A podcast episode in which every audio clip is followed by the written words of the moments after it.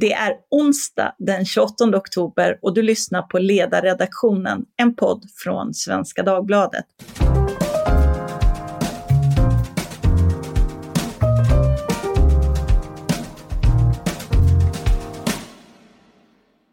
Jag heter Maria Ranka och idag ska vi prata om pandemin och demokratin. Riksdagen har, precis som de flesta andra arbetsplatser, anpassat sina arbetsformer för att minska risken för smittspridning. Numera deltar bara 55 av de 349 ledamöterna i omröstningarna och det tycks gå ganska bra. Borde vi kanske med denna erfarenhet i bagaget minska ner antalet ledamöter permanent? Sverige har ett av världens största parlament i förhållande till befolkningens storlek. Jag är nyfiken på vilka demokratiska reformer vi skulle kunna få se i kölvattnet av corona. Det har länge varit uppenbart att demokratin behöver vitaliseras. Partierna tappar medlemmar och många väljare upplever att politikerna inte är tillräckligt förankrade i världen utanför politiken. Bristen på ansvarstagande och otydlig ansvarsfördelning mellan olika politiska nivåer har också blivit tydlig under den här, liksom flera tidigare kriser.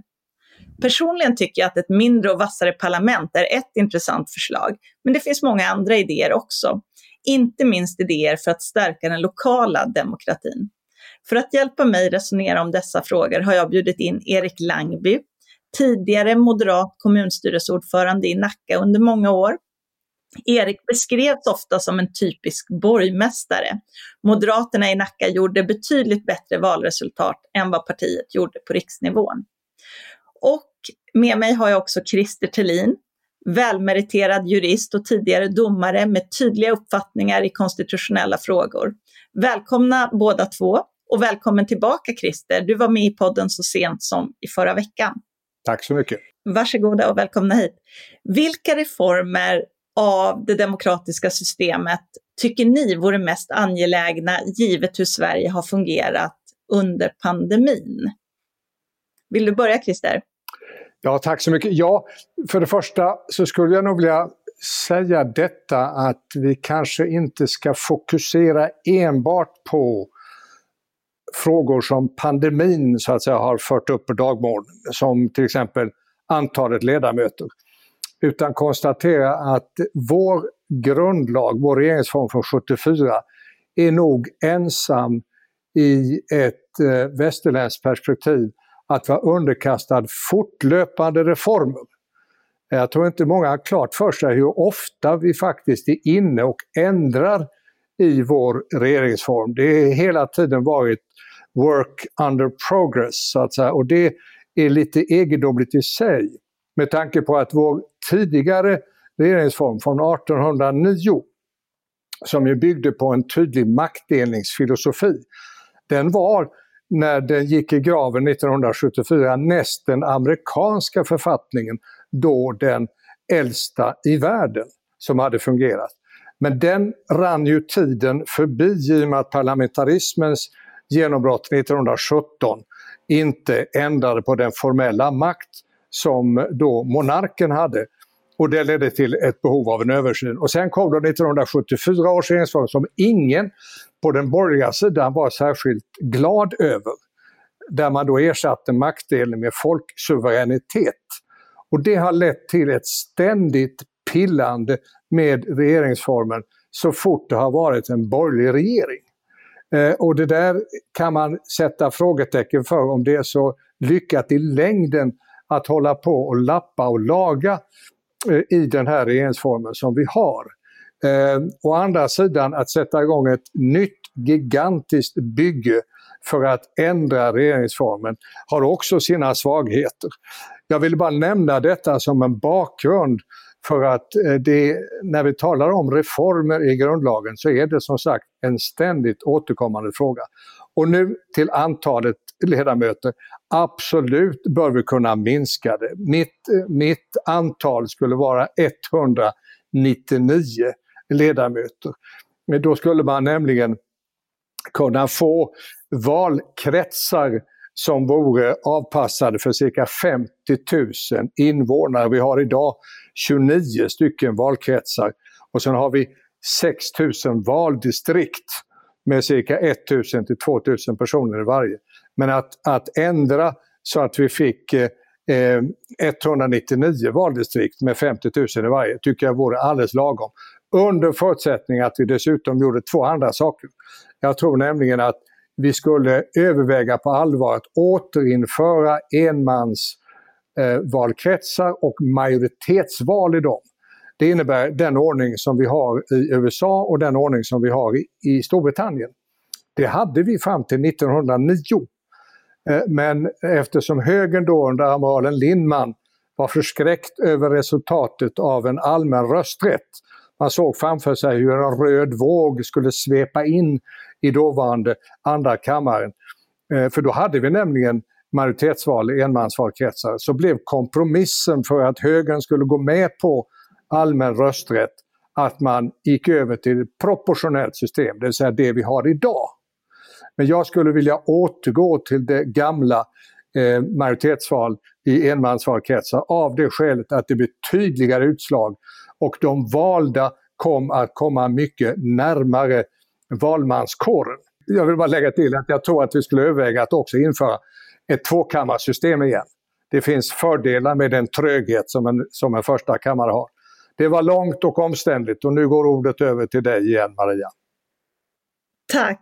Eh, du vill se 199 ledamöter och ett antal ganska genomgripande förändringar av ja. Eh, själva valsystemet. Vi kan komma tillbaka till dem.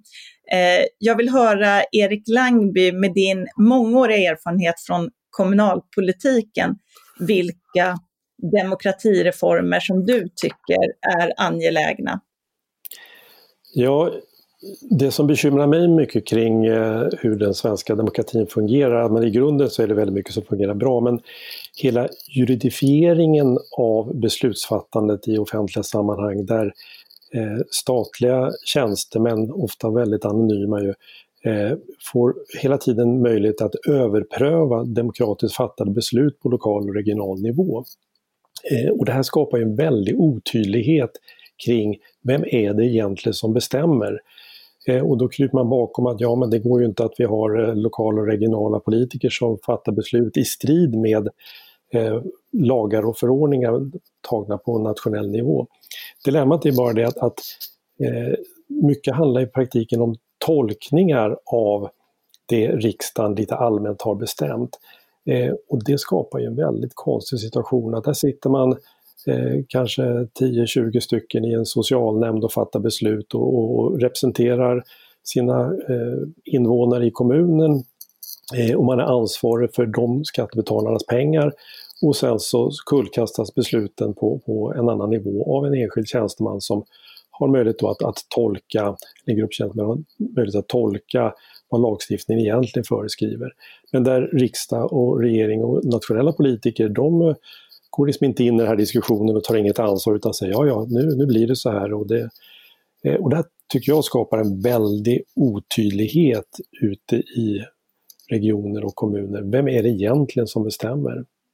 En del av det här innebär också man ska säga, att det finns ett utrymme på en hel del områden för så aktivistiska statliga tjänstemän ta alla konflikterna kring det här med utrivning av gamla vattenkraftverk som kanske har, och dammar som har stått i ett par 300 år eh, och tjänat sin bygd och representerar kulturminnen på, och funktioner och där här, enskilda tjänstemän som privat är engagerade i aktivistorganisationer kan sitta på länsstyrelser och motsvarande och fatta beslut som går emot det kommunen vill.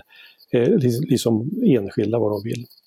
Det här tycker jag är så här djupgående problem i den demokratin, men som naturligtvis består av väldigt många fragment och därför är det kanske inte alltid så enkelt att komma åt det här. Det är ju massa vällovliga ambitioner kring att vi ska ha massa nationella regler, men där det slår tillbaka på och skapar otydlighet ute i den lokala demokratin.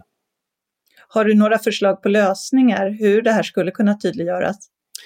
Ja, dels att man faktiskt eh, går igenom lagstiftningen och, och ifrågasätter, ska det verkligen vara ett sådant utrymme för eh, statliga myndigheters ingripande?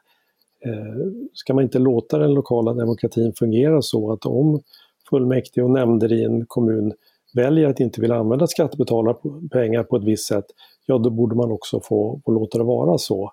Eh, annars borde ju då sakerna skötas helt och hållet av staten och staten betalar via statens skattkista.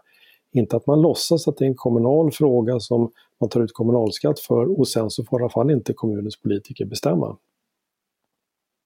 Men det är, ett mödosamt, mödosamt pusslande kring många olika lagstiftningar för att faktiskt skapa de här förändringarna. Sagt, det, det djupgående osäkerhet skapas hela tiden kring vem är det egentligen som bestämmer när politikerna lokalt bestämmer en sak och sen så blir det i alla fall inte så. Hur ser du på eh, den typ av förändringar av valsystemet som Christer var inne på? Eh, majoritetsval, enmansvalkretsar, eh, mindre politiska församlingar. Vi pratade om riksdagen, men det skulle ju för all del även kunna eh, gälla kommunala församlingar.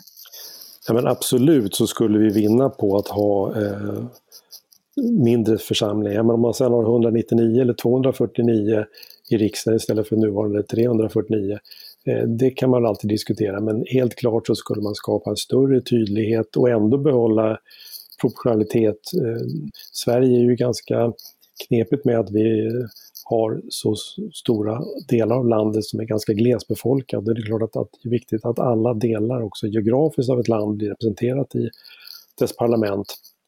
Men även med 249 så skulle man klara det ganska bra. Eh, likadant så, så, är det ju väldigt stora kommunfullmäktigeförsamlingar. Bara om vi går till Danmark så kan vi se att då är en kommunfullmäktigeförsamling ungefär lika stor som en svensk kommunstyrelse. Och jag kan inte uppfatta att det är sämre kommunal demokrati i Danmark än i Sverige. Så att jag tror att man skulle vinna mycket på det, att, att faktiskt eh, kunna minska. Idag vet jag en hel del riktigt små kommuner, de har ju otroligt svårt att taget få ihop fullmäktigeförsamlingar med människor som faktiskt är beredda att ta på sig det här ansvaret eh, och fylla ut alla platserna. Det skulle större tydlighet och därmed eh, bättre fungerande demokrati med lite mindre storlek på organen.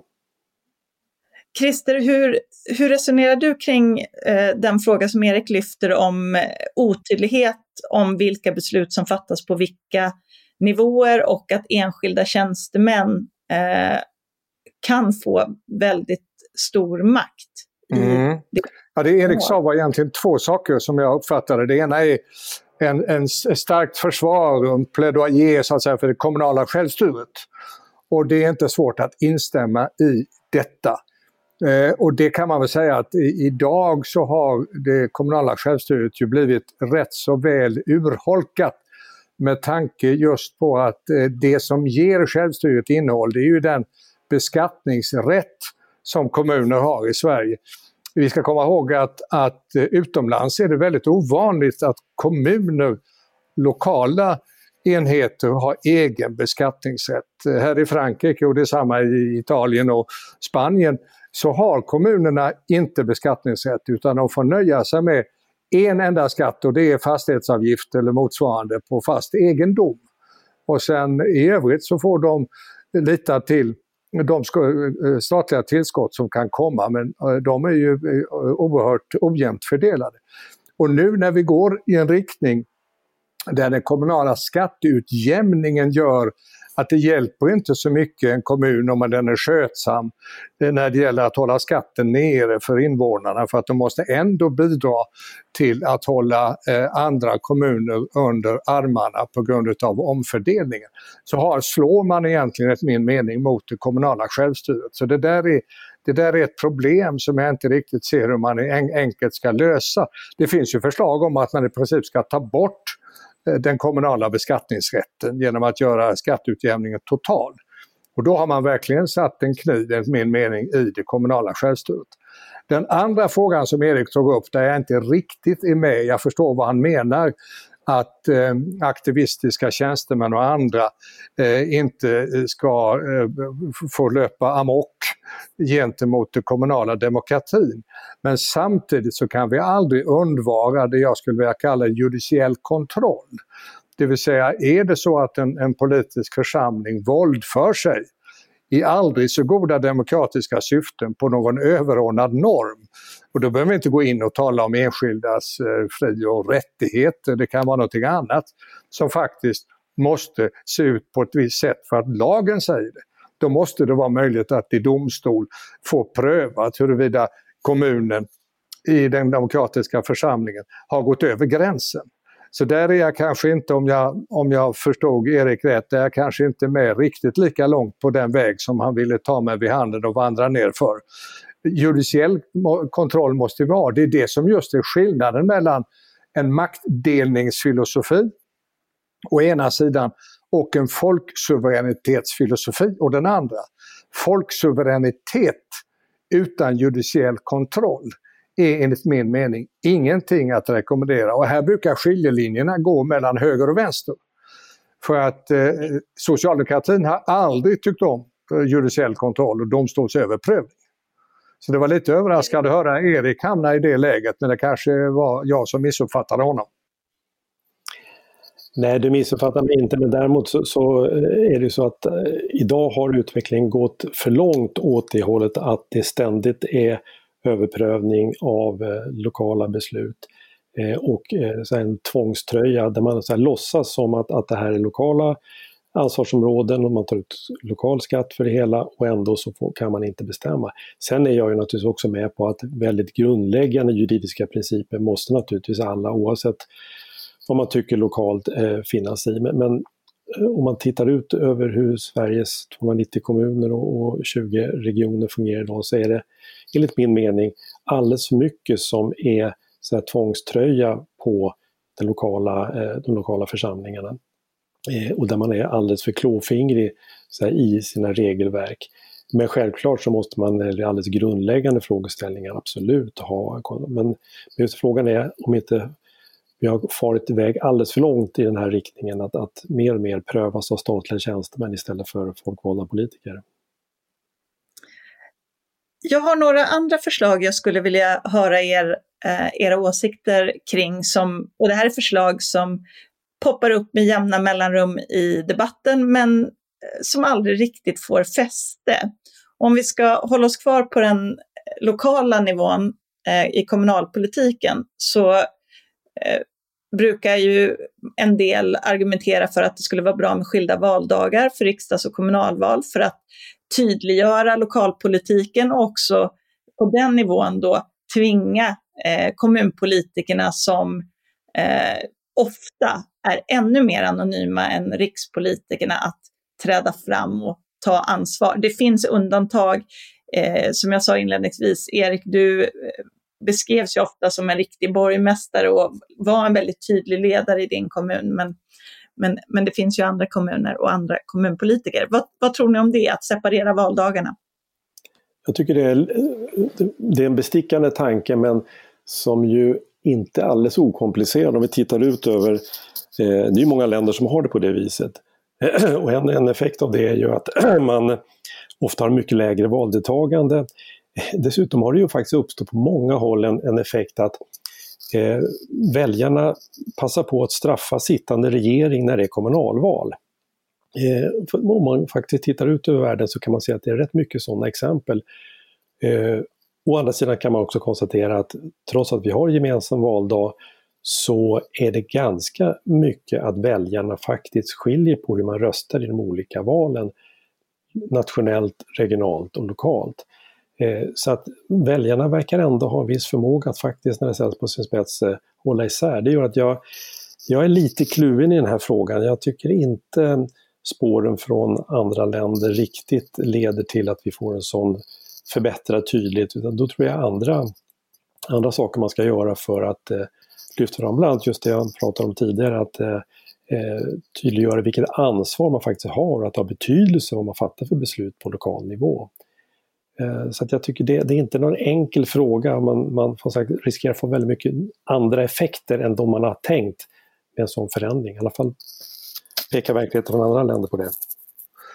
Ja, här vill jag nog avvika lite grann från det Erik säger. Jag är mer övertygad om de positiva effekterna utav att ha skilda valdagar. Vi får inte glömma bort att vi hade det så en gång i världen. Eh, medan eh, socialdemokratin har alltid varit skeptisk till att dela upp det för man har sett att man möjligen då skulle tappa den lokala kontrollen. Det skulle bli en-frågor och kanske till och med lokala partier som skulle stjäla mycket av uppmärksamheten och därför skulle socialdemokratin inte kunna få det här genomslaget som man önskar också på lokal nivå. Och därför har man vårdat det man då eh, ömt har kallat det lokala sambandet. Men det är väldigt egendomligt. Jag vill påstå, utan att ha gjort någon fullständig undersökning, jag vill påstå att vi är ensamma i Europa om att inte släppa fram medborgarna till den demokratiska rösturnan mer än en gång vart fjärde år. Jag tycker det är ett demokratiskt fattigdomsbevis faktiskt. Det är rimligt att tänka sig att medborgarna åtminstone vartannat år får gå och rösta. Och visst, Erik har rätt i detta att i en del fall så blir Eh, det lokala valet ett slags pseudoval i den meningen att man straffar då om man ogillar regeringen så väljer man att straffa dem i lokalpolitiken med deras företrädare där. Men det är det man får ta för att låta medborgarna faktiskt komma till tals eh, då och då. Och jag tycker att vartannat år är det rimligt att man ska kunna få ge uttryck för, för sin mening. I det sammanhanget vill jag slå ett slag också för den ordning som Danmark har, nämligen rullande mandatperioder. Vi har ju fixa mandatperioder och det är medvetet. Vilket innebär att, för att nu ta en aktuell diskussion, kommer det att bli extraval eller inte? Det kommer inte att bli det, för den här LAS-frågan kommer att lösas ut eh, så att Löfven kommer att sitta kvar. Men även om det blev ett extraval så är det som bekant så att det ordinarie valet som ska äga rum 2022, det ligger fast i alla fall. I Danmark har man den ordningen att efter val, oavsett om det är extraval eller ordinal, så börjar en ny mandatperiod att löpa.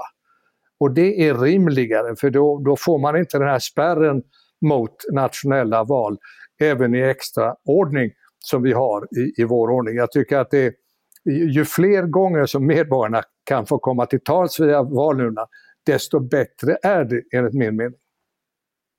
Mm.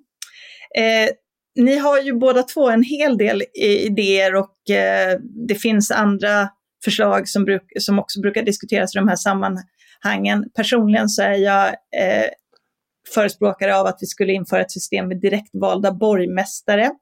Eh, tiden börjar rinna iväg, men eh, vore kul att höra Eriks syn som har varit kommunpolitiker eh, och kommunstyrelseordförande om ett borgmästarsystem i Sverige. Skulle det flyga? Ja, jag tycker det vore spännande och just att man också eh, man kunde börja med att man faktiskt lät de kommuner som vill få testa den modellen för att få lite erfarenhet. Jag tycker man ska vara beredd att, att pröva lite mera utveckling av demokratiska former och jag tror att det skulle skapa en mycket större tydlighet eh, i den lokala politiken. Så att jag stödjer det. Avslutningsvis vill jag fråga er båda två, hur bedömer ni utsikterna för Eh, ett mer prövande förhållningssätt som du säger Erik Langby, eller för demokratireformer i närtid? Ja, om jag ska gå på min erfarenhet eh, som statssekreterare, då jag satt och ledde en liten arbetsgrupp som skulle ändra valkretsindelningen för Malmöhus län och såg vilka oerhörda svårigheter det var att åstadkomma den lilla förändringen så tror jag inte man ska underskatta svårigheterna att till exempel minska antalet eh, riksdagsledamöter. Eller för den delen som vi inte har nämnt, att avskaffa regionerna som enligt min mening har spelat ut sin roll. Jag tror det blir oerhört svårt att eh, få någorlunda samsyn kring stora reformer. Det är möjligt att den här att införa en ordning med direktvalda borgmästare, som jag också stödjer, vore kanske en lättare ordning än att ta det stora greppet och diskutera förändringar i valkretsar, diskutera förändringar i antalet ledamöter och så vidare. Som jag sa tidigare så har vi haft en rullande översyn av regeringsformen och det sitter ju en grundlagsöversyn eh, eh, redan nu som diskuterar hur vi ska göra detta med, med extraval och kvalificerade majoriteter eh, och, och stärka domstolarnas ställning och så vidare. Så att jag ser, jag ser svårigheter i att gå från det önskvärda och genomföra det på ett praktiskt sätt. Erik, tror du att vi får några demokratireformer? Nej, alltså jag är också lite, lite orolig för att det, det, är så lätt att man, att man tycker att det ändå är enklast att bara ha det som man har det. Men, och jag, som jag sa tidigare, jag tror att det är en poäng om man ändå försöker pröva lite nya lösningar för att en demokrati måste få utvecklas. Sen är det klart att det är alltid en balans mellan mellan stabilitet och eh, förändring. Och det är klart att man ska slå vakt om, om stabilitet, att det inte får vara hela havet stormar när det gäller demokratiska arbetsformer och modeller. Men jag tror att man skulle faktiskt vilja pröva lite mera just för att på det viset vitalisera. Jag tror att det är farligt att bli kvar. Jag menar, världen förändras och eh, eh då måste demokratin också orka jobba med sina arbetsformer. Eh, men som sagt, det är hela tiden en balans och, och Christer har en poäng i det här med, med, hur det har fungerat i Sverige med de ständiga grundlagsändringarna. Eh, ja, det kan man verkligen fundera på, hur, hur bra är det då? Men, men, men, det är viktigt att ändå vara beredd att faktiskt pröva nya saker. Och med det så säger jag varmt tack till er båda, Christer Thelin, jurist och tidigare domare, och Erik Langby, tidigare kommunpolitiker för Moderaterna i Nacka. Tack också till alla ni som lyssnar. Vill ni höra av er med anledning av podden är adressen ledarsidan svd.se. Ni får också gärna recensera oss på Apple Podcasts, det som för inte så länge sedan hette iTunes, så att fler kan hitta till podden. Tack för idag och hej då!